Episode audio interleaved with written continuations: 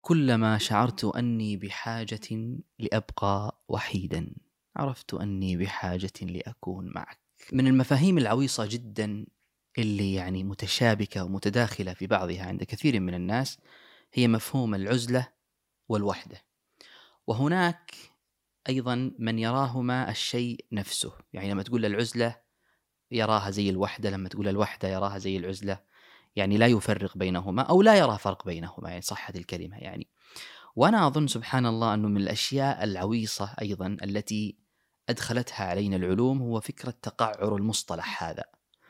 إن المصطلحات تكون مفهومة يعني من الوهلة الأولى لما أحد يقول لك العزلة تفهمها لما يقول لك الوحدة تفهمها. لكن لما يتوغل ويحاول يشرح ويحلل ويمنطق ويعني ويوضح لك يعني تفاصيل الأمور وتفاصيل المعنى تتعقد وتتغربل وتتشوش. الشاهد إنه العزلة هي من الأمور التي تعرف بسياقها. بمعنى تجد إنه أنت عندك تعريف للعزلة وأنا عندي تعريف للعزلة. الفنان عنده تعريف للعزلة، الشاعر عنده تعريف للعزلة، الأديب، الروائي، الرسام، المغني، المزارع، صاحب المغسلة، البقال، كل الناس عندها تعاريف خاصة للعزلة بسياقات هذه العزلة. لكن ما من شك أن العزلة هي أداة لأمرين للإبداع من جانب وللتهلكة من جانب آخر. وفي كلمة العزلة سبحان الله شيء دائما يوحي إليك أنه في انفصال في إنسان نفصله نعزله عن هذا المجتمع. والإنسان مثل ما تعرف هو آه، كائن اجتماعي قوي بمجتمعه بجماعته بأصدقائه بأصحابه. يعني يعمل معهم يشتغل لهم يلعب معهم والى آخره. فلما نعزل عن هذا المجتمع نفصله عنه إحنا بشكل أو بآخر نضعفه آه، يعني نجعله مكسورا أحيانا. وطبع الإنسان سبحان الله أو أي حاجة هي قوية بجماعتها قوية ب ب ب يعني بكليتها. لما تفصلها وتعزلها تضعف وتتهالك حتى ترى الأشياء اللي نتخيلها. دائما لما نتخيل أشياء ونجعل هذه الأشياء مقرونة مجتمعة ببعضها تكون أصلا قوية. لما نفصلها ونعزلها ونخلي هذا لحاله وهذا لحاله وهذا لحاله تبدأ رحلة العزلة. يبدأ هذا التهالك وتبدأ معها كل هذه الأسئلة. أقصد تبدأ رحلة الأسئلة هذه وين أكون؟ من أنا؟ كيف أكون؟ كيف أعيش؟ أين أذهب؟ من ما معنى الحياة؟ وكل هذه الأسئلة التي أصلا ما يعني تهجم على الإنسان إلا في عزلته، ثم أيضا يأتيك السؤال الأزلي هذا، السؤال الانعزالي إن صحت العبارة، هو إنه هل أنا في عزلتي هذه سأكون مبدعا فنانا ولا بتورط وبتغربل؟ وأنت طبعا هنا تفهم شيء من معنى العزلة، من مفهوم العزلة، القائم على إنه ضرورة تكون في الانعزال عن الناس. والفرق بين العزلة والوحدة أن الوحدة تكون في اختيار الإنسان. بمحض إرادته يختار الإنسان أن يبقى وحيدا. بينما العزلة آه، هي تكون دائما بسبب خارج عن إرادة الإنسان خارج عن طاقته وقدرته في شيء كذا مفروض عليه فرضت عليه هذه العزلة. أقصد انه مو هو اللي اختار ان أن ينعزل عن الناس مثل ما واحد اختار أن يكون وحيدا يعني. وإنما في حاله وأحواله وواقعه أو أحد تخلى عنه أو سمي ما شئت من هذه الأسباب التي يضطر الإنسان معها أن أن ينعزل أن يكون معزولا منعزلا عن الناس. ومثل ما قلت لك يعني بعض الناس في هذه الأحوال في هذه الأوقات يبدع ويصبح فنانا يأتي بشيء مدهش يدهش الناس وبعضهم يتهالك ويضطرب. يعني فكرة أن الحزن أو الانعزال قد يولد الإبداع هذا هي فكرة ليست صائبة في مطلقها ربما ولد الانفجار. وكل إنسان في سياقنا هذا يشعر بالعزلة هو ليس وحيدا إن صحت الكلمة لأن وحدته كانت باختياره ولكن عزلته مفروضة عليه حتى وإن كانت بسبب حاله وأحواله. يعني عادي أن يكون الإنسان منعزلا بسبب نفسه بسبب حاله الذي أجبره أن يكون منعزلا. كونلف يقول أن كل إنسان شعر بالعزلة ضرورة في يوم من الأيام لأن أصل العزلة أن يكون الإنسان في جماعة أن يكون بين الناس يعني ضروري الإنسان يكون عائش بين الناس. ومين هذا اللي ما عاش بين الناس الناس دائما مع الناس الإنسان دائما هو جزء من من, من الناس أصلا. فهو ضرورة بمفهوم كونليف ضرورة أنه شعر بالعزلة في يوم من الأيام إما بسبب حاله إما بسبب واقعه إما بسبب يعني أيامه إما بسبب علاقاته وإلى آخره.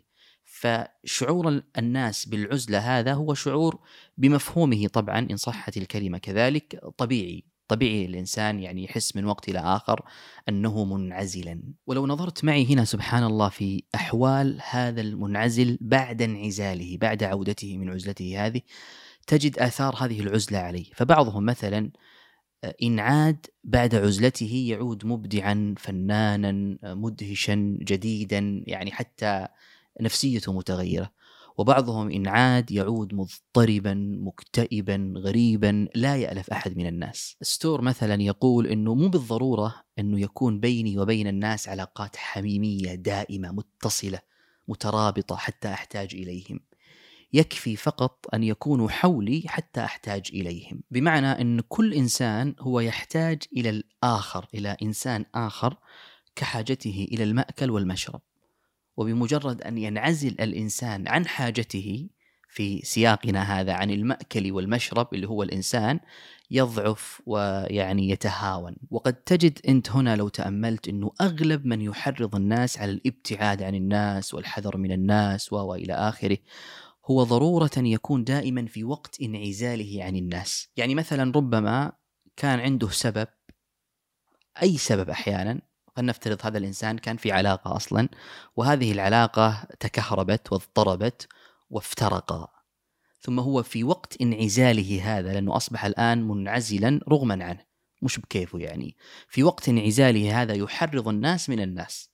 ثم يبدأ قضية إنه ما في ثقة قضية إنه لا تثق بالناس قضية لأنه هو أصلا واقع حاله أجبره أن ينعزل عن الناس. وهذا الكلام هو كلام ويليامز يعني. يقول أن الناس دائما من يحرضون الناس على الابتعاد عن الناس هم أصلا آه، يمرون بمواقف أجبرتهم على الانعزال والابتعاد عن الناس، واحيانا ترى الإنسان قد يكون منعزلا لعدم اعتياده على هذا المجتمع الذي هو فيه أو المجتمع الجديد عليه، وأنا دائما صراحة أشبه هذا بالطفل، بعض الأطفال أحيانا لما تقرب منهم يخاف منك لأنه لا يألفك. والإنسان في عزلته ترى لا يألف إلا نفسه، بل أحيانا ربما نفسه لا يألفها لكن ما من فكاك. وأتذكر أني قرأت حاجة كذلك عن كبار السن أنه أن خوفهم يزيد مع تقدمهم بالعمر لأنهم يفقدون هذا الانتماء الذي يكون بينهم وبين هذا المجتمع الذي يعيشون فيه. فالمعنى هذا الذي يستمد منه الإنسان قوته ومنطقه وتعامله مع الحياة اللي هو الإنسان الآخر لم يعد موجودا. فبالتالي تغير منطق أيضا هذا الإنسان المنعزل آه، مع الحياة تغيرت نظرته إلى الحياة. فهو بشكل أو بآخر ليس موجودا وكائنا في المجتمع. يعني ما حد يشوفه ما حد يتكلم معه ما حد يسولف معه ما حد يستضيفه ما حد يدعوه لأنه منعزل. فهو مثله مثل أي إنسان غائب. مفقود أو ربما حتى ميت. كيلر وويليام في كتاب مبادئ علم النفس وهذا بالمناسبة أحد مخرجات أثرى يعني.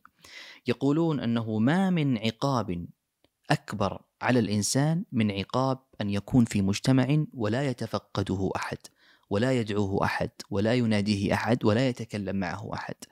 وهذا في لسان حالهم قد يكون أشد وأمر عليه من عقوبة السجن لأن الإنسان في هذه الحالة مسجون في عزلته والإنسان المسجون في عزلته هو في واقع الحال أمر وأشد وأقسى عليه من سجان يحبسه في زنزانته رغما عنه. وأعجبني صراحة تشبيههم بالعزلة والسجن هذا يعني. لما تنظر في مفهوم العزلة تجد فعلا أن عزلة الإنسان هي شيء خارج عن قدرته وإرادته فهي مثل السجن. السجن دائما يكون خارج عن إرادة ورغبة وقدرة الإنسان. والأدب طبعا مليء بمثل هذه المواضيع. يعني دائما يأتي على بالي مثلا مسرحية Trifles آه، أظنها ترجمت إلى العربي سخافات أو تفاهات ل Glaspell لما الزوجة تقتل زوجها لأنه عزلها عن الناس. يعني خلاها لا ترى إلا ما يرى ولا تسمع إلا ما آه، يسمع ولا تقول إلا ما يريد أن تقول. فانعزالها هذا وإجبارها على هذه العزلة في الأخير جبرها أن تقتله، لما تنظر مثلا في رواية Walker كذلك The Color Purple اللون الأرجواني تجد أنها قائمة على هذا المفهوم. أيضا مسرحية شكسبير ذا تمبست كذلك قائمة على هذا المفهوم. و... وأغلب المواضيع الأدبية أصلا هي تناقش مفهوم العزلة من زاوية ربما يكون لها آثار سلبية سيئة على المجتمع على أنفسهم على حياة من حولهم. وحتى طبعا نلخص يعني ما نقوله عن مفهوم العزلة هذا عزلة الناس دائما هي شيء ضد رغبتهم وحاجتهم وهذا ضرورة يغير شيء في معانيهم ونظرتهم ومفاهيمهم للحياة. طبعا ربما هذا المعنى والمفهوم والمنطق يتغير في عقولهم ونظرتهم للحياة فعلا لكن منطق المنعزل يبقى دائما منعزلا. تراني ما أعرف آه، تبغى هذه خاتمتنا ولا تبغى نختم بالخطابي الخطابي؟ في كتابه العزلة. عنده مقطوعة جميلة عن, عن, عن العزلة صراحة. يتكلم في من أنكر العزلة. طبعا إذا تبغانا نسجلها ونسجلها ما في مشكلة. إذا ما تبغانا ترى عادي. الأسبوع الجاي ولا بعد سنة. يقول وأما عزلة الأبدان ومفارقة الجماعة التي هي العوام فإن من حكمها أن تكون تابعة للحاجة وجارية مع المصلحة وذلك أن عظم الفائدة في اجتماع الناس في المدن وتجاورهم في الأمصار إنما هو أن يتضافروا فيتعاونوا على المصالح ويتوازروا فيها إذا كانت مصالحهم لا تكمل إلا به ومعايشهم لا تزكو إلا عليه. وللإنسان أن يتأمل حال نفسه فينظر في أية طبقة تقع منهم أو في أية جنبة ينحاز من جملتهم. فإن كانت أحواله تقتضيه المقام بين ظهراني العامة لما يلزمه من إصلاح المهنة التي لا غنية له به عنها ولا يجد بدا من الاستعانة بهم فيها ولا وجه لمفارقتهم في الدار ومباعدتهم في السكن والجوار. فإنه إذا فعل ذلك تضرر بوحدته. وأضر بمن وراءه من أهله وأسرته. وإن كانت نفسه بكلها مستقلة وحاله في ذاته وذويه متماسكة فالاختيار له في هذا الزمان اعتزال الناس ومفارقة عوامهم فإن السلامة في مجانبتهم والراحة في التباعد منهم. ثم يقول بعد ذلك ولسنا نريد رحمك الله بهذه العزلة التي نختارها مفارقة الناس في الجماعات والجمعات وترك حقوقهم في العبادات وإفشاء السلام ورد التحيات وما جرى مجراها من وظائف الحقوق الواجبه لهم ووضائع السنن والعادات المستحسنة فيما بينهم فإنها مستثنات بشرائطها جارية على سبلها ما لم يحل دونها حائل شغل. ولا يمنع عنها مانع عذر إنما نريد بالعزلة ترك فضول الصحبة ونبذ الزيادة منها وحط العلاوة التي لا حاجة بك إليها. طبعا المقطوعة طويلة والكتاب صراحة ماتع وممتع لكن حتى لا أطيل عليك وأطيل كذلك على الجماعة من يحب أن يتزود يقرأ كتاب الخطابي العزله وألتقيكم إن شاء الله في الحكاية القادمة دمتم في رعاية الله.